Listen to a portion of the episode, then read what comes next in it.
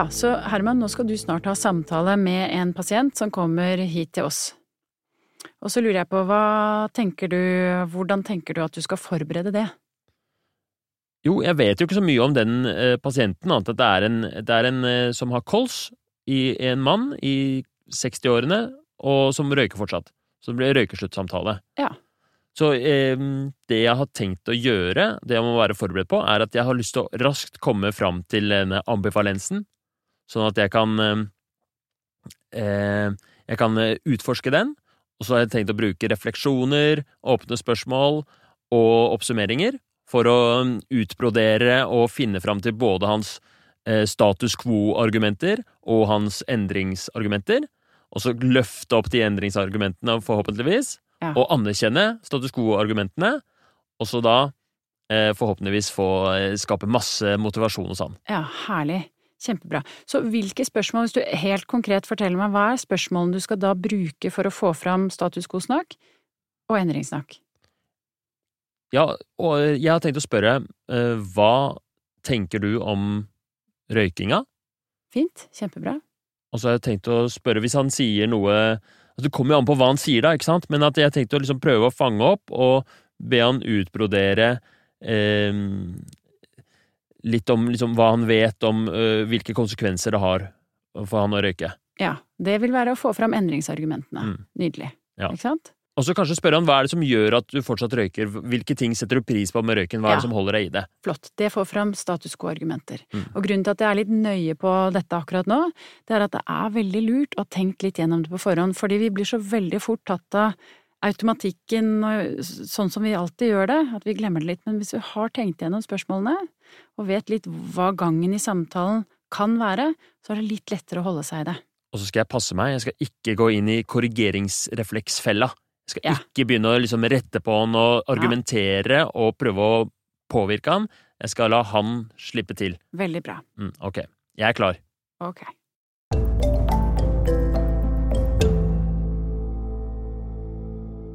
Ok, velkommen. Eh, Herman heter jeg. Jeg heter Tom. Tom, hyggelig. I like måte. Og um, hvorfor er du um, Eller hva, hva er formålet med hva, hva er det som gjorde at du tok kontakt med Frisklivssentralen?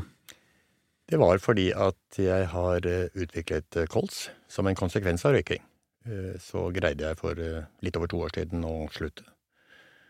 Og et år etterpå, på grunn av en hendelse, så begynte jeg litt forsiktig, og så øket det på. Så tenkte jeg at dette, dette går ikke, det er ikke bra med den sykdommen jeg har. Nå må jeg foreta meg et eller annet. Ja. Og eh, tok da kontakt med Frisklivssentralen. Så du røyker nå? Eh, Både òg, vil jeg si. Både òg. Ja, i hvert fall mer enn jeg burde. Én er jo for mye, og jeg røyker mer enn én per dag, ja. Ja. Så, men du har i hvert fall røyka en del tidligere, og så slutta du for to år siden. Ja, Som de fleste i min generasjon, så har jeg røykt i eh, 40 år cirka, og det er jo da kolsen gjerne kommer. Hvor alvorlig er kolsen din? Um, Den ble nivå 3, som heter alvorlig kols, Ja. med 32% lungekapasitet. Men den er eh, bedret, den er faktisk betydelig bedret etter det. Men det er jo ting som jeg har uh, gjort, som har bevirket det, da. Så nå har du et ønske om å slutte å røyke igjen. Absolutt. Hva tenker du om det, da? Det er, eh, røyk er vanskelig, for det er litt eh, fasettert. Det er eh, glede, og det er ved, ved sorg. Det er premiering, det er hygge, det er fellesskap. Alle disse tingene som lurer en til å, å, å fortsette. Men jeg hørte en som beskrev røykingen på en annen måte, og det var at han så gloen foran meg, og så så han en idiot i andre enden. Og, og det har han jo helt rett i. Ja, så Når du tenker på røyk, så tenker du både på de Du har disse positive tingene du forbinder med det, men også det at det er, det er noe dumt med det. Ja, det er jo noe dumt med det, og det er jo ikke så veldig godt heller. For hvis man er helt ærlig mot seg selv, så er jo de færreste sigarettene gode. Det er noen ganger det er ekstra godt, for eksempel efter middag. Da er det jo ekstra godt. Men om det skyldes at du har lyst til å premiere det, eller om det er bare at det er blitt en kultur, en vane, det skal ikke jeg ha sagt. De fleste sigarettene er ikke gode, men likevel så tenner man den ene efter den andre. Ja. Men jeg må jo også si at i situasjoner, for eksempel ikke at du er La meg si at det er en hendelse som gjør at du føler deg alene. Da er jo sigaretten en god venn. Ja, at den, du bruker den nesten som kur mot ensomhet. Eh, Nei, jeg vil ikke påstå at jeg er ensom, men det kan jo være hendelser hvor du føler deg alene. Det kan kanskje være en ting du har opplevd som du kanskje ikke har lyst til å dele med andre, eller at du er trist eller lei deg, for eksempel. Da er jo røyken god å ha. Det er jo en, oppleves som en form for støtte, som Ja, en, en, en, en venn, kan du si. Men den har også motsatt effekt hvis du er veldig glad, og har gjort noe veldig bra, nå må jeg ha en røyk. Altså for på en måte toppe opplevelse, eller avslutte den gode opplevelsen. det er en eller annen sånn sammenheng med røyken og følelser. Ja, det er nok eh, med hverandre å gjøre, ja. Så blir det jo, mm, når du har røykt i mange, mange år, så blir det jo en del av deg selv på et vis. Altså, det blir jo vane. Og da, og da jeg sluttet å, å, å røyke, så opplevde jeg noe spesielt, og det var at det var ikke så vanskelig å slutte, egentlig. Men det som jeg savnet mest, det var ikke nødvendigvis nikotin, men det var det å holde sigaretten i enkelte situasjoner. Ved at du bare tar den opp og holder den, så ser du, ser du røyken foran deg. Jeg gjorde et sånt lite forsøk hjemme en gang. Jeg slukket lyset, så tok jeg en røyk. Da, det, det, det, var, det var ikke som å røyke. Ok, Så det Så- visuelle med det var viktig Ja. for deg? Så da, da tok jeg sigaretten for meg, og så blåste jeg mm, røyken mot gloen. Da kan du jo på en måte se eller ane røyken. Da var det en annen opplevelse. Så det er, det, røyking er eh, Ja, det er noe spesielt med det. Ja, det er som du sa i starten, at det er mange fasetter, eller Ja, det, er, det er komplisert, liksom. Ja. Så ja, det, jeg skjønner det at eh, det, det er tydeligvis en del ting som du da, hvis du skal slutte, vil savne. Men hva er det som Hvor viktig for deg er det å slutte? For meg er det veldig viktig. Altså, hvis jeg ikke slutter, så snakker vi jo bare om, eh, om tid før jeg bare blir dårligere. Og, og med kols så kan man jo bli veldig dårlig. Altså, du kan jo dø av det, eller mange dør jo av det, faktisk. Eh, Mange legges inn på sykehus, veldig ofte. Eh, Men eh, de siste årene kan det bli svært ubehagelig. I form av åndenød, at du ikke greier å puste godt nok, at du må ha oksygen, at du ikke har frihet lenger. Du må reise rundt med en ryggsekk og oksygen. Kanskje ikke kunne ta fly for enkelte. Og eh, så utsiktene, de er eh, negative.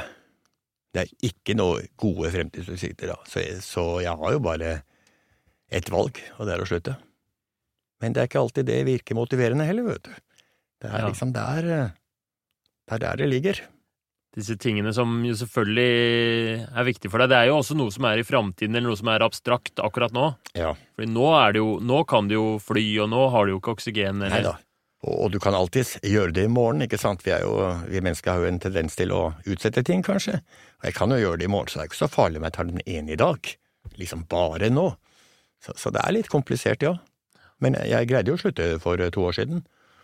Og, og det var det enkleste jeg har gjort. Og jeg vet ikke hva som gjorde det. Det var som å skru av en, en nøkkel, og så var hele suget, alt var borte vekk. Yes. Det var det enkleste jeg har gjort. Hva var det som skjedde da? Eh, Jeg vet ikke, det var dagen før jeg reiste på en klinikk. Det var etter at jeg hadde funnet ut at jeg hadde kols, at jeg hadde godt av et slikt opphold. Så sitter jeg hjemme og tenker. Det var dyrt å reise dit. Romprisen var dyr. Den motiverte meg ikke, men det var en del av tankegodset mitt. Og så tenkte jeg at eh, skal jeg reise opp dit og, og, blåse røyk i ansiktet på legen? Eller samfunnet, for det er jo min egen skyld at jeg er kommet i denne situasjonen. Og så tenkte jeg en ting til. Hvis jeg nå blir sendt til Mars, det er jo, vi skal jo, menneskene skal jo snart reise til Mars, de får neppe med seg røyk, tenkte jeg, så lo jeg for meg selv. Hvis du reiser opp til Mars da uten sigarett, kommer du til å dø, tenkte jeg, nei. Nei, du dør ikke av det, nei, men da slutter du da, så stopper jeg sigaretten, og så røykte jeg ikke på halvannet år. Yes. Og det var enkelt. Så det var sånn, jeg vet ikke, sånn psykisk mekanisme, jeg vet ikke. Jeg, jeg leter litt etter den nøkkelen nå. Ja. Det gjør jeg. Da har du i hvert fall det, du har en erfaring med at du har klart det, og da, Mm. da, da, da, da, sto du i det, egentlig uten problemer, sier du da. Jeg vil si at det var nesten uproblematisk, ja. Det var en rar følelse. Og, og jeg kom jo på denne klinikken, og der var det jo flere andre som nærmest prøvde å tvinge seg selv til å slutte. Jeg så jo hvilke kvaler de hadde. Mens jeg gikk rundt og smilte og hadde ikke noe eh, eh, savn. Det var en rar følelse. Jeg, Ja. jeg vil jo gjerne finne tilbake til den. Ja. Og, og går og tenker på det hver dag. I, i, inkludert reisen til Mars. det har ikke hjulpet. Du tenker, på, altså, du tenker på det hver dag. Denne, det tar opp mye av eh, livet ditt, da, denne beslutningen, eller denne I, ambivalensen. Ja, altså det krever jo ikke så mye tankeenergi, men eh, tanken er der hele tiden, ja. Ja. Den er der hele tiden. og det er til bekymring. Ja. Selvfølgelig. Og det var jo derfor jeg tok kontakt med denne sentralen, for å jeg tenkte at kanskje du må gjøre et eller annet. Ja. Og jeg har også sågar tenkt i verste tilfelle er å prøve denne Det er en medisin som heter Champix, tror jeg. Jeg er ikke noe begeistret for sånne medisiner. Jeg har aldri vært noe begeistret for medisiner, men hvis jeg ikke makter på annen måte, så, så gjør jeg det. Ja. Og så prøver jeg å bruke den tanken som en motivasjonsfaktor til å slutte før det blir aktuelt. Hvilke Bare for å For vi har jo snakket litt om det, disse, disse tingene du kommer til å savne, eller som, er, som du opplever som godt med røyken. Mhm. Hvilke, kan du si litt mer om hva, hva du eh, Bare utdype det litt. Liksom hvilke Hva du sier farvel til hvis du, hvis du stumper røyken. Ja, Det var et godt spørsmål. Det finner jeg litt vanskelig å, å besvare. For finnes det egentlig Jeg syns det er vanskelig å gi noe svar på det. Altså, vane, vanens makt er stor, ikke sant? Jeg er veldig vant til dette her. Det er litt hyggelig iblant, rett og slett. Og jeg må jo si at noen ganger er det jo veldig godt. Ja. I noen situasjoner er det veldig godt, ja. Mm. Som jeg nevnte i sted, etter middagsmat, for eksempel, Ja. er det jo veldig godt. For ikke snakke om den første om morgenen. Det skyldes vel kanskje at kroppen har litt lyst på nikotin, muligens. Ja. Den, den er veldig god. Så de to kommer du til å savne. Så du må være liksom villig til å gi slipp på i hvert Ja. fall de, da. Ja, det må jeg for at det, det, det må helt bort. Ja. Det er klart det kan jo kompenseres på annen måte. Man tar seg en kaffe, eller du reiser deg opp når eh, behovet kommer ned og går rundt huset en gang, kanskje. Har du, du har litt sånne, du har litt sånne triks eller planer om å Ja, fordi at eh, Jeg må jo innrømme at da jeg sluttet første gang for litt over to år siden, så var det jo noen ganger at man fikk litt lyst, men da var det bare å reise seg opp eller gjøre noe annet. Så, så forsvinner det, for den varer ikke så veldig lenge, denne, denne lysten. Det kan kanskje 30 sekunder. Det varer bare en liten stund. Du, du kanskje tenker på noe annet, og, og så er det borte igjen. Så da klarte du å, å, å på en måte avlede deg selv litt, Ja, og hadde ja. egentlig ganske god strategi Ja. for det. Ja, og, og jeg hadde vel følelsen av at Jeg sa det var problemfritt å slutte å røyke, og det var for så vidt det, men det er klart jeg hadde lyst mange ganger. Du så andre, det var situasjoner hvor det var naturlig. Og em, de kom sjeldnere og sjeldnere, dette, denne lysten. Så kan man jo kanskje Jeg brøt noen vaner hjemme, hvor jeg for eksempel pleide å sitte og røyke. Eller situasjoner hvor det var naturlig å røyke, prøvde jeg å sitte et annet sted, kanskje gjøre noe annet. Altså Og det prøver jeg jo nå òg, med vekslende hell. Ja. Selvfølgelig. Yes. Jeg syns det her virker bra. Jeg merker det. Du har, for å oppsummere, du har, du har veldig reflektert syn på det her, og du har tenkt mye gjennom det, og du er bevisst på at ja, røyken har en plass i livet ditt, har vært det lenge, og du har brukt den både til å feire og belønning, men også til å stå i enkelte saker og Det går likt. og sånt noe. Men, og, men du er veldig tydelig på hvor viktig dette er for deg, og hvor mye det betyr for, for uh, helsa di, mm. og at uh, dette her er et valg som, uh, som Du sa det, du har bare ett valg, sa du. Ja, det er riktig. Jeg har bare ett valg, men likevel så sitter man Man føler seg jo som en komplett idiot. Jeg sitter og forteller disse tingene, og likevel så har jeg problemer med det. For jeg vet hvor det bærer hen hvis jeg ikke slutter. Ja. Men på den annen side så virker ikke det motiverende. Det er, det er sånn det er for mange. Du er ikke en idiot. Nei, jeg, er jo- ikke det, men altså, det er bare en måte å si det på, for egentlig er man jo idiot. Jeg hører eh, kanskje av noen i familien min som sier det, eller eh, venner som pusher på meg. De bruker jo gjerne det uttrykket at du er en, Ja. e- e- en dust, eller hvor dum kan du egentlig bli? Ja. For jeg har jo Burde jo greie det. For det er egentlig så enkelt å bare slutte. Det er bare å slutte. Hvis du greier å tvinge deg selv. Ja. Så ja, det er litt sånn et dilemma akkurat det der. Det er vanskelig dilemma. Det er et dilemma. Men eh, slutte, ja det skal det. Det skal det. Ja, det skal det. Så bra. Og jeg har tenkt på at kanskje i dag er kanskje et vendepunkt. At jeg bruker denne samtalen, at jeg setter i gang refleksjoner i meg. Og kanskje intensiverer tankene mine. At det, jeg har tenkt litt på det, at eh, kanskje i dag er dagen. Så allerede før du kom i dag, så har det liksom brygget noe i deg? Ja, jeg har tenkt opp mot denne datoen, den har jeg visst om i ca. 14 dager. Ja. Så jeg har eh, tenkt mer og mer opp mot denne dagen, at kanskje denne i dag, i dag er vendepunktet.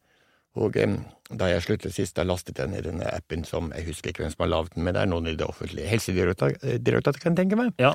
Den var jo litt festlig å se på nå. Jeg stoppet i én dag og to dager og tre dager og spart så og så, så mange penger. ja. Ja, Etter 30 dager så så jeg ikke mer på den, men den har jeg lastet ned på nytt. Du har lastet ned. Den heter Slutta, ikke sant? Ja, det Ja. slutta heter den. Mm. Den har jeg lastet ned, så den, den ligger nå på, på mobilen min. Den er ikke satt i gang, men jeg tenkte at kanskje i dag var dagen. Den er klar til å settes i gang, Ja. og det blir et sånt eh, Og så sier jeg, som jeg også blir ofte kritisert for, at jeg, jeg kan jo forsøke å stoppe i dag. Og da har vi jo enkelte venner som bare blåser meg. Du må ikke si at du skal forsøke, det må gjøres nå. Ok. Ikke sant? For det er dette her med i morgen. Vi kan jo gjøre det i morgen istedenfor i dag. Ja. Ikke sant? Bare én til. Du har sikkert hørt eh, den typen argumentasjon, tenker jeg. Ja, jeg har vært borti lignende før, Ja. men eh, det er veldig individuelt hvordan folk gjør det. Da har jeg, jeg, har et, eh, jeg har et spørsmål som jeg har lyst til å stille deg, da, for For meg så virker det som på en skala fra én til ti eh, hvor viktig dette er for deg, hvor, eller hvor riktig det er for deg å slutte. Hvor, hvor vil du si du er da? Hvor, hvor viktig det er? Ja. Ja, da sprenger jeg skalaen. Det er ti, det. Det er ti, Ja, så den er på plass. ingen tvil om annet. Men hvordan er det med da Hvor stor er troen på at du kommer til å klare det fra null til ti? Jeg vil jo svare ti. Du har, du har litt trua? Ja, det har jeg. Og ja. Virkelig? Jeg, ja da, jeg har troen jeg skal slutte å røyke. Ja, så bra. I, i, i, i sin verste, i verste tilfelle så prøver jeg disse sjampingstablettene. Ja. Men jeg vil helst ikke dit. Nei. Eh, Men det, det betyr at jeg, jeg må slutte. Ikke bør, men må. Du må. Fantastisk. Og jeg skal eh, slutte. Så jeg er kommet dit. Ja, du har kommet et eh, langt Da Siste steget er jo hvor klar er du for å, for å gjøre det? Vil du ha en skala der òg? Ja, la oss ta en skala der òg. Jeg vet ikke hvor jeg skal plassere meg der. Der vil jeg si alt fra én til ni. Altså, det er vanskelig å besvare det. Det er, Ja. det er her, vi, det er her kjernepunktet ligger, vet du. Ja. For at på en måte så har du ikke lyst, for det er jo så koselig med røyk. Altså, det er jo så godt, innbiller meg jeg meg selv. Men eh, jeg er veldig motivert for det. På den ene siden så er det et eller annet du ikke syns er så lett å gi slipp på, men Vet du hva? Det er som kjærlighetssorg. Ja. Det har vel de fleste av oss opplevd, tenker jeg. huff, ja. Det er som kjærlighetssorg. Når det husker jeg for to år siden. Det er eh, Ja, det er en god måte å beskrive det på. Det er noe som du Noe trist, noe du savner. Eh, og det henger vel igjen med disse tingene jeg nevnte i sted, og dette med glede og savn og premiering og alt dette her. At det er der det ligger. Det er kanskje det som vanskeliggjør å slutte, tror jeg. For det er jo ingen gode argumenter for å fortsette. Altså, det stinker av en når en gjør det. Man ser dum ut på gaten. Det begynner å bli eh, sosialt uakseptert. Litt tabu, egentlig, og det har jeg også merket i, hvert fall i de miljøene jeg er i, så gjemmer jeg meg unna, jeg nå. Nå tør jeg ikke å vise at jeg røyker lenger. Nei. Men det ser du jo også, det er jo veldig få som røyker på gaten nå i forhold til før. Kanskje spesielt de siste fem–ti årene. Så, og det er jo med, bevirker jo at en blir mer fokusert på å få sluttet, selvfølgelig. Hva tror du skal til for at du skal bli klar? Det er jo det jeg tenker på. Kanskje ikke nødvendig å tenke for mye på de tingene, kanskje bare gjøre et forsøk og bare stoppe. Ja. Og hvis jeg ikke Hvis jeg stopper nå, i dette øyeblikk, og holder du til, til i kveld eller til i morgen tidlig, og, og bryter den, så kan man jo prøve en gang til, og da kanskje holder du ut i to dager. Ja. Og så Ikke sant? Det er jo også en måte å gjøre det på, istedenfor å vente til i morgen. Ja. For venter du til i morgen, så kan du jo vente resten av livet ditt. Det som ehm, det, Jeg kan jo si litt om min erfaring, eller det jeg har opplevd som er eh, gode råd når det kommer til akkurat dette med å bli klar for å slutte. Ja. Er, men det, det, det gjelder jo for, på generell basis, da. Ja. Um, og hovedsaken er vel egentlig det at eh, det er det, det viser seg for, for, på, sånn, på gruppenivå at det lønner seg med disse appene og, og hjelpemidlene. Og så viser det seg at det lønner seg for mange å sette en dato, en konkret dato, og bestemme seg for den. Og når den datoen er bestemt, det, det, det er et nyttig verktøy for mange. Jeg vet ikke om, du, om det å sette en dato, hva, hva, du tenker om det? Det tror jeg nok er riktig, for det kommer igjen tilbake til vi snakket om at det kan jo tas i morgen, det kan tas i morgen, i morgen, i morgen, og plutselig så er det gått et år, og da ingenting har skjedd. Og jeg har jo brukt dagens dato som en Jeg tenkte at kanskje i dag er datoen. I dag, i dag stopper det. I dag er datoen? Ja. For at denne samtalen setter i gang selvfølgelig prosesser i meg. Jeg tenker ja. på det før jeg kommer, jeg, vi tenker på det under samtalen vår, jeg vil jo garantert tenke på det for at det er gått derfra. Så da tenkte jeg at det kunne vært Den datoen har jeg hatt egentlig i hodet siden jeg fikk vite den. Da, da det ble tatt kontakt med meg. 27. juni? Ja. Men eh, så bra. Jeg skal ikke stoppe deg fra å sette dagens dato. Er du eh, Skal vi gjøre det sånn? Eller hva, hva tenker du? Skal vi er du, er du klar til å hva, En ting som må konkretiseres, er jo når man sier dagens dato, når er det? Har du da det, Hvilken røyk er den siste? Ja, det er et mye bedre spørsmål. Ja. Fordi at um, den, det må jo være den jeg tok siste. Den du tok sist? Ja. Så den, du, du, har allerede tatt den siste? Eller har du lyst på en sånn avslutningssigarett? Jeg, jeg, vil, jeg, vil, helst si at jeg har tatt den siste. Men så er det det, da, vet du, at Jeg vet ikke om jeg greier å Jeg tror nok uh, Det blir litt vanskelig å svare på dette her. Um, det går jo også an å ikke sette dagens dato, og så sette det lenger fram i tid. Ja, men saken er den at jeg skal slutte. Jeg har tenkt på dagens dato. Jeg um, Når jeg legger meg i kveld, så har jeg sluttet å røyke. Ja. Det lover jeg meg selv. Er det sant? Ja, altså, jeg må slutte å røyke, jeg. Du ser den.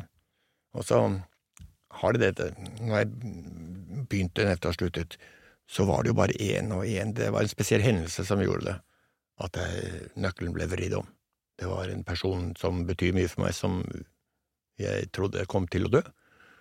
Og utenfor sykehuset så står det en og røyker, og så kom denne forbi nesen min. Og så var jeg engstelig, jeg var redd, og ja, få en sigarett, av deg, sa. Jeg visste at jeg ikke burde gjøre det, få en sigarett, og så fikk jeg en sigarett, og så tok jeg den, og det er klart da var fortryllelsen brutt. Så tok jeg en, det gikk bra med denne personen, da, men um, dagen etterpå så tok jeg en til, og så gikk det et par dager, så tok jeg en til, og så, og så på en måte som øket etterpå. Hadde jeg hatt krefter da, så hadde det vært en én eller to, og så hadde saken vært bra. Det bare øket på, sånn som det sikkert gjør for de fleste. Jeg satte ikke inn ressursene mine tidlig nok. Og så blir det dette, vi tar det i morgen, vi tar det i morgen, vi tar det i morgen, og med dårlig samvittighet hele tiden. Ja, Du har litt sånn klandrer deg selv litt? Eh, voldsomt, veldig, egentlig. Eh, det har pågått nå i fem–seks måneder. Jeg klandrer meg selv veldig for det. Ja. Så det tar jo mye energi, det. Det tar mye energi, og det så, så, mm, Men eh, jeg hører også at når du først har greid så lenge, så er det lettere neste gang. Ja. For jeg må også si, til tross for at følelsen av kjærlighetssorg, så var det en befrielse. Ikke sant? En befrielse å være kvitt. Det var en skjønn følelse. Jeg vil gjerne ha den følelsen tilbake. Og det luktet godt hjemme hos meg, og klærne mine var uten røyklukt, og uh, du er jo… Det er jo en form for avhengighet. Måtte løpe til butikken for å kjøpe sigaretter. Altså, det er jo så dumt. Det kan jo ikke bli dummere. Så jeg vil tilbake til den. Ja. Så jeg slutter i dag, jeg. Når jeg går og legger meg i kveld. Da har jeg sluttet. Da, da, jeg er helt imponert. Ja, ring meg om en uke, så kan du kanskje få lov å bli imponert. ja, men det skal vi gjøre. Vi skal eh, Da eh, Da, da sier vi det sånn. Da, eh, da godtar jeg det, på en måte. Eller ja. da Da anerkjenner jeg at du skal slutte i dag. Siste Og det du sa, var at du skal ta røyke ut dagen. Mm. Og så er det når du står opp i morgen, så er det ikke mer. Ja. Da har jeg forstått riktig? Ja, da har jeg forstått meg riktig. Og jeg tror ja. jeg har forstått meg selv riktig òg. Så bra. Ja. Så bra. Og da Så dette vil nok føles litt som en kjærlighetssorg, sier du, men det vil også være deilig? Ja. Befriende? Ja, veldig befriende. Du, det må du oppleve for å skjønne hva er, men det var befriende, ja. Tusen takk, eh, Tom. Jeg syns dette var helt nydelig. Det er, eh, det er, ditt valg, dette her. Ja da. Men det, er, men det er et godt valg. Det er et godt valg. Det syns jeg òg.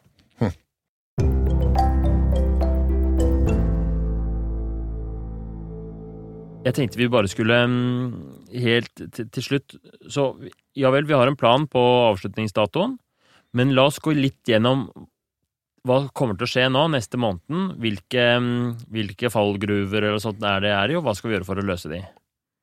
Har du gjort deg noen tanker selv om det? Mm, Egentlig ikke så mange tanker hva som skjer etterpå, for jeg vet hva som kommer til å skje. Det kommer jo til å bli dette savnet som vi snakket om i sted, denne formen for eh, kjærlighetssorg.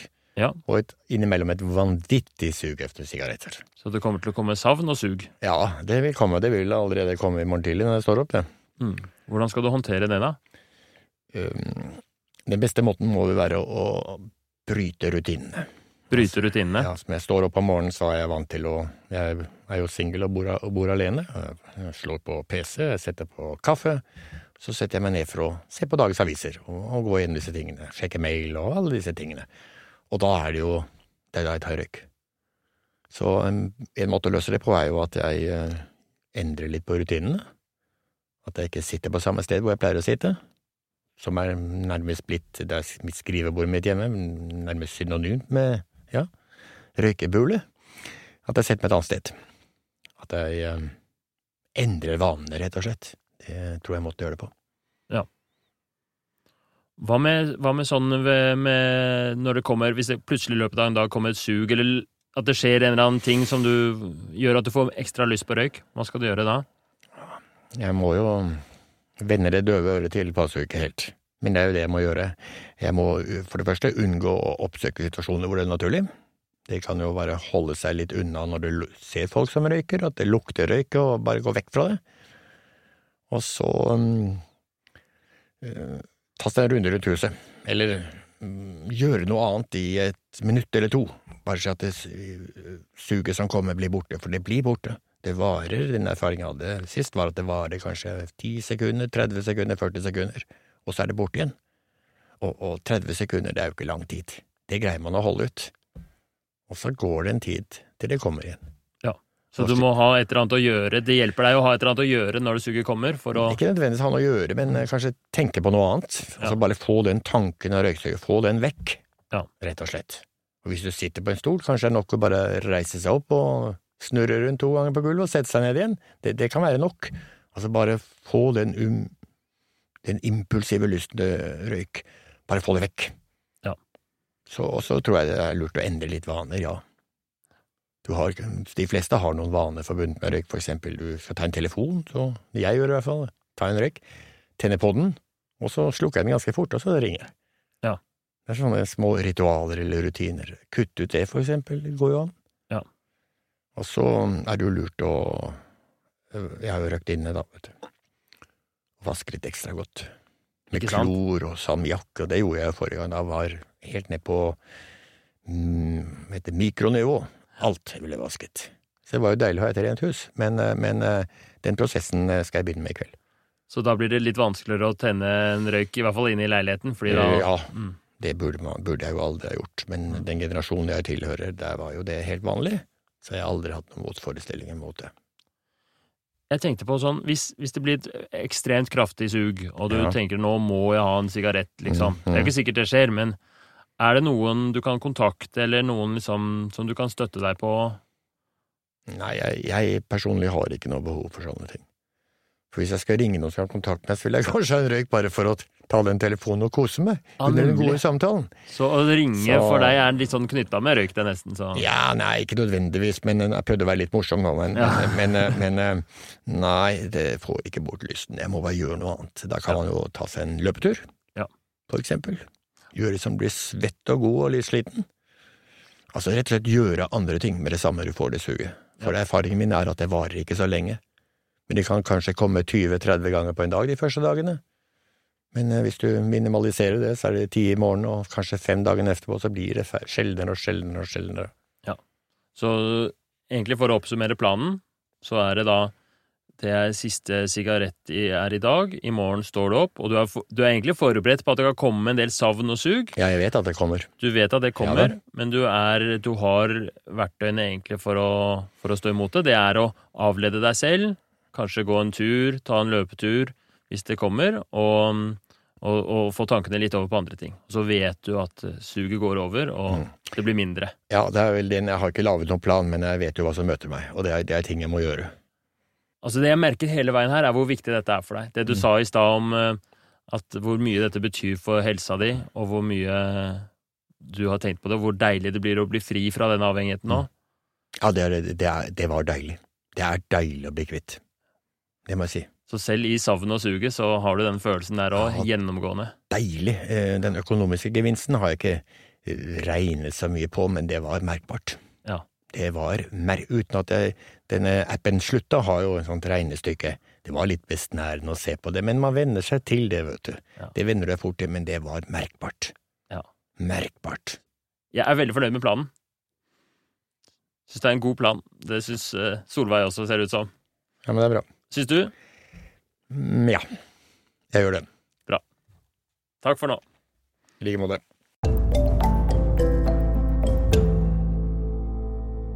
Ok, Herman. Hvordan syns du dette gikk?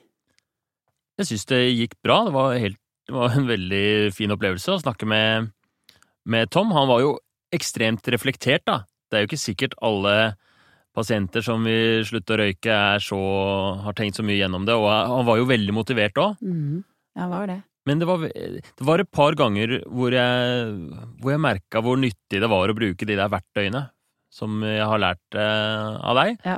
Og um, særlig det med refleksjon. Og, og, og jeg merka det at hver gang jeg liksom bare på en måte reflekterte litt hva han, hva han sa, så, så, så kom det mer. Og det var liksom Jeg kunne til og med uten å styre han, styre han på en måte, hvis du skjønner hva jeg mener? Ja. Jeg syns det var en nydelig samtale, kjempegodt å høre på, både deg og han, og jeg er helt enig, han var svært Han hadde veldig mye gode tanker, veldig mye ressurser å spille på, og det gjorde du på en nydelig måte. Du kan si at han var motivert, men han hadde jo ennå ikke slutta, så det virka som du liksom, flyttet han over til en forpliktelse som er kjempeviktig. Sant, Du jobbet opp en forpliktelse. På mange måter syns jeg du gjorde dette helt etter boka. Sånn? Jeg satt og bare heiet, må jeg innrømme, når jeg hørte deg gjøre, gjøre samtalen. Og du sa noe om at du, du kjente hvordan refleksjoner eh, funker, og jeg, jeg støtter deg så veldig i det. Altså det Du setter dine ord på hans indre verden på en eller annen måte. Og da er det som det får lov til å tre fram, det, det, det får lov til å komme fram det som er. Jeg synes det er et veldig godt eksempel i, eh, i forkant av at han begynner å snakke om kjærlighetssorg. For der ligger det i lufta, og så bruker du noen refleksjoner, og så kommer han inn på det. Denne, dette begrepet kjærlighetssorg. Som på en eller annen måte gjør som, som han på en måte Det å sette ord på det, det å innse at han på en eller annen måte må sørge over endringen, det har verdi i seg selv, tror jeg, da. Og det er jo derfor jeg elsker denne metoden, for det er på en måte noe litt magisk som skjer i en sånn samtale. Det oppstår noe. Ja. Det var veldig interessant å legge merke til det som eh, du har sagt tidligere, det med at motivasjon består av flere ting. At det både er det der å, å synes at det er viktig å være motivert, på en måte, som han jo var veldig tydelig på at han var. Uh, og så er det det å ha tiltro, som han jo også hadde. Han hadde en god erfaring fra tidligere han hadde klart det. Men så var det den siste delen, som var å være klar. Som vi kanskje ikke har snakket så mye om ennå, men som uh, så, hvordan, hvordan har det seg at liksom At han uh, Hva er det for noe? Den der at han ikke var At han, ha- han har lyst, og han har trua, men han er ikke klar ennå. Det er, det er på en eller annen måte den endelige forpliktelsen. Det å ta valget om å slutte, ikke sant, for hans del kanskje for resten av livet, og det er en, selv om han, det er kjempeviktig, han er sikker på at han, han var på ti på begge, han er helt sikker på at han kommer til å få det til når han bestemmer seg, det er bare når skal han bestemme seg. Sånn at den skaleringen, han svarte vel ikke egentlig på det, alt fra én til ni, sier han, og samtidig så klarte dere å stadfeste i dag. Samtidig så var han helt sikker på at det skulle være i dag. Ikke sant? Sånn at uh, han gjorde det jo allikevel. Det var Det som var litt uh, Det jeg syns la merke til også, var interessant, var at han um, Med en gang jeg var sånn um, På en måte prøvde å gripe inn i planen Hvis jeg sa sånn, ja jeg, Det var en eller annen gang hvor jeg tror jeg sånn, ja, men da gjør vi det sånn, da. Så syns jeg det virka som han ble litt mer sånn usikker og ikke Så det funka nesten bedre at jeg sa sånn Det er opp til deg, det er liksom Du får velge Vi kan Ja. godt ta det seinere. Altså, mellomtingen der, da, det er å reflektere ham. Ikke sant? Så du har egentlig bestemt deg for at det blir i dag. Eller kanskje det er for sterkt, du har kanskje bestemt deg egentlig nå. Så hører du at, hører du at jeg, jeg, jeg legger meg litt nedenfor, at det, hvis jeg sier ja, da blir det sånn, da, så har jeg på en måte stadfestet planen for ham. Så er jeg på en måte et lite hestehode foran, men det som er utrolig viktig i en ME-samtale, er å rett og slett ligge et hestehode bak, sånn at jeg legger opp til at det er personen som tar stegene hele veien, også i planleggingsfasen. Sånn at når du da stadfester at ja, da gjør vi det sånn, så er det på en måte bitte litt foran ham. Det vi, vil det vi vil, er at du skal være bitte litt bak ham, og det gjør du igjen med refleksjon. Også når det er planlegging, så vil du legge refleksjon så du tenker at, hva enn den refleksjonen er, sånn at han kan si ja, sånn er det. For hvis du sier ja, sånn er det, så blir det kanskje litt fort for ham. Har du noe ting som jeg kan eh, bli bedre på fra dette her? Er det noe Har du kritikk? Jeg har ingen kritikk, jeg syns at eh, dette var fantastisk bra, og eh, hvis vi skulle finpolert Ja, det er det jeg er ute etter. Ja, det er det du er ute etter.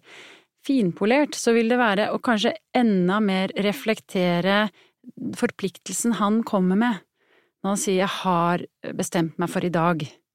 Ikke sant?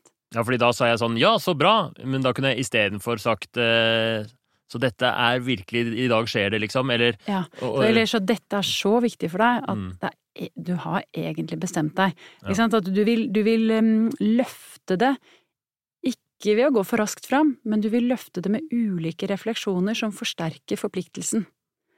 Så for jo mer eh, forplikta han er til i dag, jo mer sannsynlig er det jo at han kommer til å klare å gjennomføre det. Sånn at vi løfter det på den måten da igjen, og, og det er jo på en måte eh, som regel tilbakemeldingen, igjen med refleksjoner. Ja. Og du gjorde jo svært gode refleksjoner underveis. Eh, Du tok med sånne ting som dette er en slags kjærlighetssorg for deg, og samtidig så ønsker du virkelig å gjøre det. Jeg tror du hadde en sånn type refleksjon. En satt- dobbeltsidig refleksjon, en faktisk. og jeg satt og heiet. Jeg tenkte at yes, for nå får du virkelig tydeliggjort essensen av det som er viktig for denne personen. Får håpe det funker, da. Får håpe han eh, klarer det. Ja, og i planen, ikke sant, det var fint å gå videre til en sånn, eh, hva skal du si, en eh, kvalitetssikt, nei, vi kaller det ikke det, vi sikrer planen på en måte, med å, å sjekke fallgruvene. Sånn som du gjorde, sikre gjennomføringen av planen, veldig bra.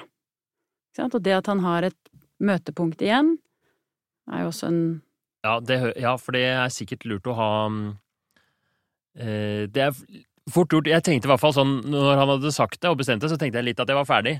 Men så det var bra at eh, jeg ble minnet på at uh, man kan fullføre ved å, ved å liksom ramme inn planen litt. Ja, for du har liksom fått det helt, i, helt til siste bit. En ting som vi ikke har snakket om helt tydelig ennå, men som er veldig viktig, er metodens grunnverdier. Og det er kanskje åpenbart for eh, de som hører på dette her, men det er viktig å få det fram allikevel. For noe som er essensielt ved metoden, er at det er personen som er i sentrum, ikke hjelperen. Altså personens tanker, følelser, og erfaringer er de som er det viktige. Vi så det veldig tydelig i samtalen du hadde med Tom. Det var jo hans ressurser du dro veksel på. Det var hans tanker om hva som var viktig, hva som skulle til. Så du ga ingen råd i den samtalen, og likevel dro du det fram. Det synes jeg er et veldig godt eksempel på en personsentrert samtale. Fordi greia er at det skal være eh, personen selv som tar valget, personen som styrer Det er hans premisser eh, vi er på. Det er ikke legen sin jobb å si 'du må slutte å røyke'. Ikke patriarkalsk Nemlig. innstilling, men Nei. det motsatte. er- Ja, det motsatte, og hva er det motsatte? Jo, det er at samtalen foregår i et samarbeid. Så det er også en av grunnverdiene. Samtalen foregår i et samarbeid mellom to likeverdige parter. Han er ekspert på eget liv. Du er kanskje ekspert på metode, på faget ditt, og de to tingene må gå sammen for at man skal klare å skape endring, og lyst til endring. Så det er jo kjempeviktig. Og i tillegg så er det dette med å formidle anerkjennelse, empati, dette har vi vært inne på øh, på mange forskjellige måter. Det å gjøre det er en, grunnholdning i metoden. Vi viser anerkjennelse, forståelse for, persons perspektiv, uansett. Og da er det sånn at, fordi jeg tipper de fleste vil vel eh, si at eh, eh, ja, jeg vil jo pasientens beste, og i mine samtaler så er pasienten i sentrum. Det, tenk, det har jeg alltid tenkt om meg selv òg, men jeg merker jo litt det at jeg, når jeg prøver å Eller når jeg gir råd eller anbefalinger, eller hvis jeg tar litt vel styringa, så, så legger jeg kanskje litt vel mye av meg selv i der allikevel, da. Ja, for da er ikke du personsentrert. Det er ikke kanskje så lett som man skulle tro å holde det personsentrert? Nei. Men ferdighetene som vi har snakka om, ikke sant, det er jo måten du gjør det på. For idet du stiller åpne spørsmål, idet du reflekterer tilbake det personen sier, oppsummerer det personen sier, bekrefter det personen sier, så er du personsentrert. Da er ikke du den som mener noe om det.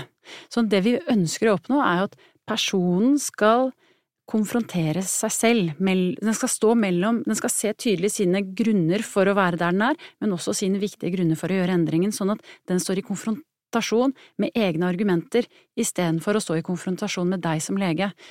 For hvis den står i konfrontasjon med deg som lege, det så vi jo veldig tydelig på øvelsen tidligere, ja, da får man motargumenter. Hva skjer da? Da får man ikke motivasjon. Så pasienten skal møte seg sjæl i døra, skal ikke møte meg i døra. Nemlig. Jeg skal bli med pasienten til døra, Du og så er, skal få møte seg sjæl. yes, og du er med på å styre det med hvordan du stiller spørsmål, hvordan du reflekterer, oppsummerer og bekrefter. Sånn at du løfter det som er viktig å få løfta i samtalen, det som gjør at personen faktisk innser hvor utrolig viktig det er for personen.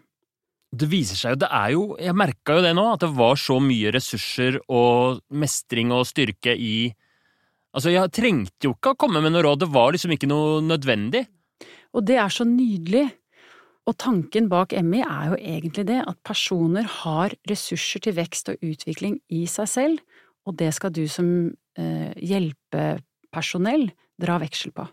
Men altså, hva hvis Det er ikke alltid sånn, da. Hva hvis man eh, trenger å komme med et råd, eller det er liksom det informasjonen mangler? Hva Ja. gjør jeg da? Herlig. Nydelig spørsmål. Det er kjempeviktig. For det er jo selvfølgelig noen ganger sånn at ikke du kan få fram alle de viktige endringsargumentene, for det er ikke sikkert at personen kjenner til alle negative konsekvenser. Og da er det jo viktig at du er fagperson i den samtalen du har, for da vil du gi informasjon. Som kan lett, bli Da må jeg jo gi råd på en eller annen måte. Ja, ikke sant. Så vi gir informasjon på en litt spesiell måte for å sikre prinsippet om fremkalling. Fortsette å sikre dette grunnholdningen i ME om å fremkalle personens ressurser, argumenter osv. Så, videre. så kan vi jo se litt på hvordan vi skal gjøre det.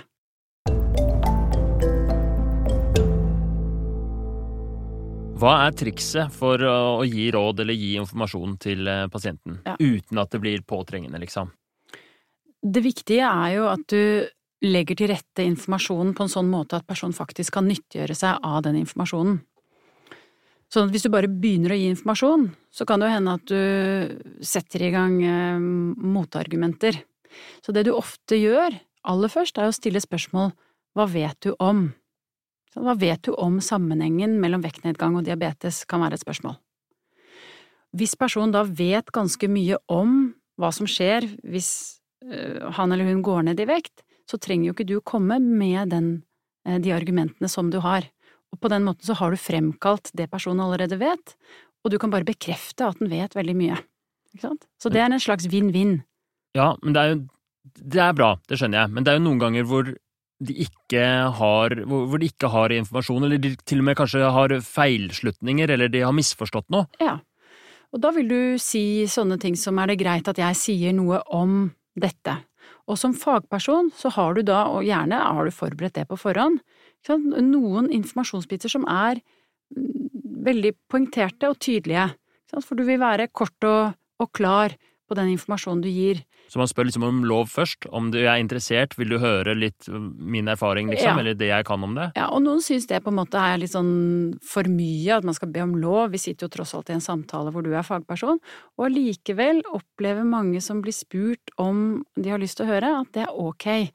Og på en måte få lov til å si ja, det har jeg lyst til å høre. Og da er personen ofte mye mer påkobla det du skal si. Så egentlig to måter å koble personen på. Det er jo først at du spør hva den vet fra før, og helt uavhengig av hva den vet, så vil jo du informere, men når du da i tillegg spør hva eh, om den er interessert, så er den igjen påkobla og føler seg Dette spiller tilbake til dette med samtalen foregår i et samarbeid. Sånn at du vil da informere det personen ikke synliggjør at den vet, men som du tenker er viktig. Og så er det ett poeng som er eh, viktig å ta med seg når du skal informere. Vi vil gjerne gjøre det utafor personen, eksternt. Du vil gjerne vise til forskning eller erfaringer eller eh, sånne ting som på en måte ikke handler om personen selv. Sånn at du kan si at erfaring viser at det er en sammenheng sånn og sånn. Og så hvordan skal vi dra det til personen, og at den skal kunne gjøre en slutning om hva det innebærer for den, og du stiller selvfølgelig et åpent spørsmål. Hva innebærer det for deg, eller hva tenker du om det? Ok, så Det som er viktig, som du sier, er at man, man, må, ikke, man må ikke sikte informasjonen inn på den personen, liksom. Så hvis jeg skulle informert om det der med vektnedgang og diabetes, så sier jeg ikke sånn hvis du går ned i vekt, så kommer du til å øh, få lavere blodsukker, men Nei. at jeg, jeg, på en måte sier Det jeg vet om, øh, om øh, emnet, er at man har sett at på mange, mange, pasienter som går ned i vekt, så vil mange av de få redusert blodsukker, og kanskje til og med ikke ha diabetes lenger. Ja. Også, men at jeg ikke, og så kan jeg heller la pasienten få tenke hva det betyr for eh, han eller henne. Ja, og da gjør du, for å få til at eh, pasienten tenker det, så stiller du da et åpent spørsmål. Nemlig. Hva innebærer det for deg, eller hva tenker du om det? Og så er det på en måte en slags loop. Du stiller spørsmål for å finne ut hva personen vet. Du, fra før, for å fremkalle de mulige argumentene, men også for å vite eh, hvor i landskapet du skal gå inn. For hvis du bare begynner å informere et eller annet sted, så kan det jo hende at personen allerede vet det, mister interesse, og når det den faktisk skulle få vite, kommer, så er den jo ikke til stede. Åh, det har skjedd så mange. Det var en gang jeg skulle informere en om noe kostholdsgreier, så viste det seg at pasienten var ernæringsfysiolog. Ikke sant? Dreit meg komplett ut. ja, og så ofte er jo folk ganske høflige, så de sitter jo bare og nikker og ja-er og Veldig bra. Ok, da, da har jeg lært eh, hvordan jeg skal gi råd og informasjon i eh, samtalen uten å være påtrengende. Dette skal jeg bruke i, eh, i intervjuene. Ja, en liten huskeregel. Utforske, tilføre, utforske. Du elsker de der huskereglene, du, Solveig. Det er greit. En ting jeg har merka, er at det ofte jeg opplever at pasienten har veldig gode argumenter for å endre. At de, de er liksom på plass med den der ambivalensen. Den er blitt løst opp i. Alt er på plass. Men eh, motivasjonen er der ikke helt ennå. At det er et eller annet med at de ikke har trua helt, eller de Hva gjør man da? Ja, ikke sant. Du kan si at mye av det vi har gjort til nå, er jo å Og vi har snakket om, er hvordan å få opp motivasjonen ved å eh, trykke på viktigheten for personen. Endringsargumentene som vi snakker om, det er argumenter for at endringen er viktig. Men det du snakker om akkurat nå, det er når personen allerede synes at det er viktig, men ikke tror at den får det til. Og da vil vi ha fokus på å løfte mestringstillit. Ok, så mestringstillit, det er noe annet enn det som vi snakka om nå med viktighet. Det er to forskjellige ting, som begge er motivasjonen, liksom? Ja, du kan si at når vi snakker om motivasjon, så hva er det som gjør en person motivert? Jo, det er, det er egentlig tre ting. Det er hvor viktig personen synes det er, hvor stor tiltro den har til at den vil få det til, og hvor klar den er til å gjøre, altså gjøre endringen. Sånn at hvis vi allerede er høy på viktighet, og det er tiltro det skorter på, så, må, så er det det vi må jobbe med å fremkalle i samtalen, sånn at det trer tydeligere fram for personen. Ok, Så det vi har jobbet mest med hittil, det der med å utforske ambivalensen og reflektere rundt det og få fram argumentene for og mot, det har vært for å styrke viktigheten. Ja. Og så nå, når det er på plass, så skal vi styrke pasientens mestringstillit. Ja. Og hvordan man gjør det, det kan man gjøre på litt forskjellig vis, men tanken er egentlig at du bruker det samme prinsippet som du bruker når du skal løfte viktighet, på å løfte mestringstillit. Vi stiller åpne spørsmål. Hva kan vi stille åpne spørsmål om? For eksempel tidligere erfaring med endring. Det behøver ikke være tidligere erfaring med å lykkes i å gjøre den samme endringen som vedkommende skal gjøre i dag. Men det kan være det. Et røykesluttforsøk, hvor personen har klart det i tre dager, det er en tidligere erfaring med å lykkes. For hva gjorde den i de tre dagene? Ikke sant? Hvilke, hvilke kvaliteter brukte den ved seg sjøl som gjorde at den fikk til å holde ut i de tre faktisk ganske utfordrende mm, første dagene? Så her også så handler det om å belyse, ikke sant, at man må, øh, man må styrke pasientens eh, selvtillit ved å, ved å vise litt sånn sånn er det, og få fram erfaringer fra før og, og, og hvordan det var. Ja, det, og her kommer dette begrepet fremkalle inn igjen.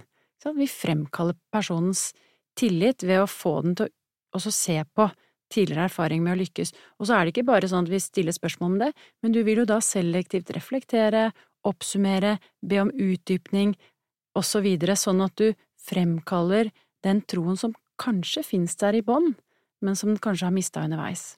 Ikke sant, Så man må tenke at det er noe der fra før, som man skal liksom lokke fram. Ja. Man trenger ikke å skape Eller det kan jo hende det er noen som har helt selvtillit på bånn, da. Ja, og så kan du si at det har kanskje helt selvtillit på bånn i forhold til å røyke slutt, men hvilke, en annen innfallsvinkel er å stille spørsmål hvilke eh, litt sånn store livsendringer personen har gjort i livet.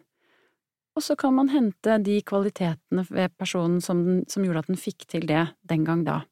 De fleste har gjort noen endringer. Mm. En annen måte man kan øke mestringstillit på, er å gjøre det vi kaller skaleringsspørsmål. Er det en nytt sånn triks fra, fra kokeboka, liksom? Ja, du kan kalle det det. Eh, det er en måte å tydeliggjøre og forsterke, og hvis du bruker det i forhold til eh, viktighet, så tydeliggjør det og forsterker det viktighet. Eh, hvis du bruker det i forhold til tiltro, så tydeliggjør det og forsterker det tiltro.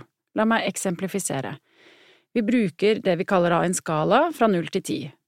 Og så sier vi sånne ting som la oss si at um, personen, altså du, du, kjenner at personen syns det er viktig og har lyst til å slutte, og så kan du stille spørsmål.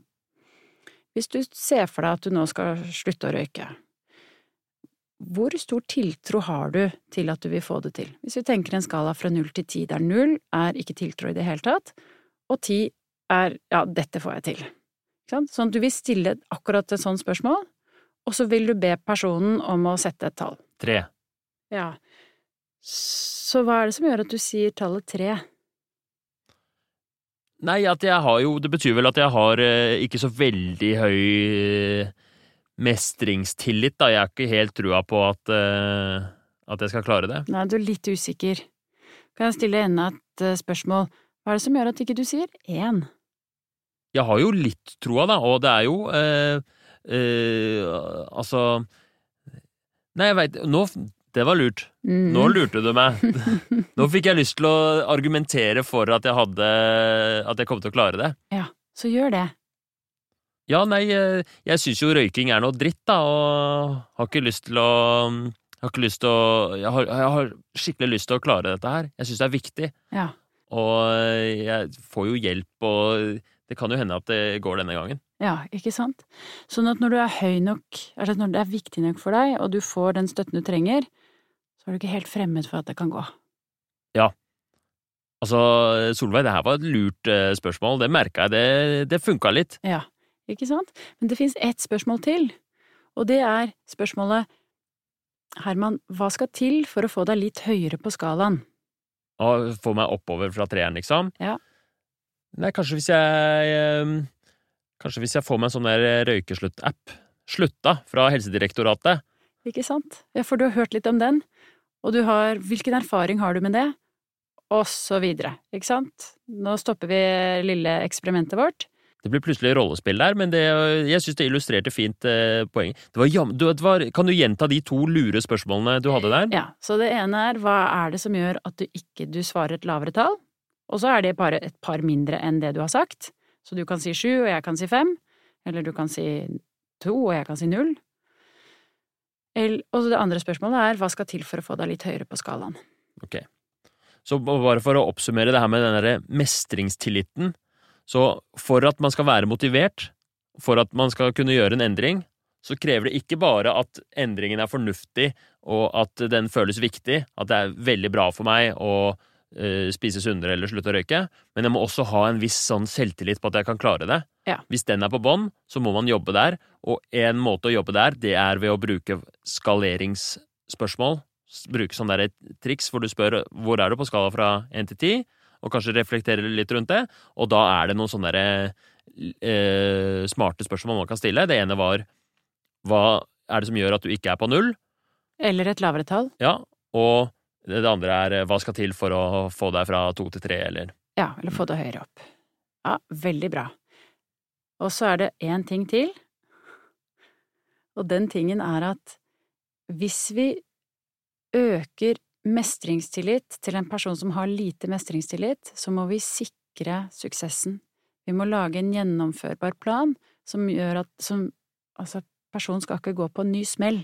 Vi skal ikke bare øke tiltro, sende personen ut, og så er det en ikke gjennomførbar plan, for da får den personen en ny tapsopplevelse. Ja, det er jo krise. Hvis du jobber her i et intervju og bare 'dette er så viktig', og så legger du opp til en ny smell, liksom, Ja. og så bare knuser vi selvtilliten igjen. Ja. Så hvordan sikrer vi oss fra det? Jo, vi lager planer som er gjennomførbare, som vi jo skal snakke litt om seinere.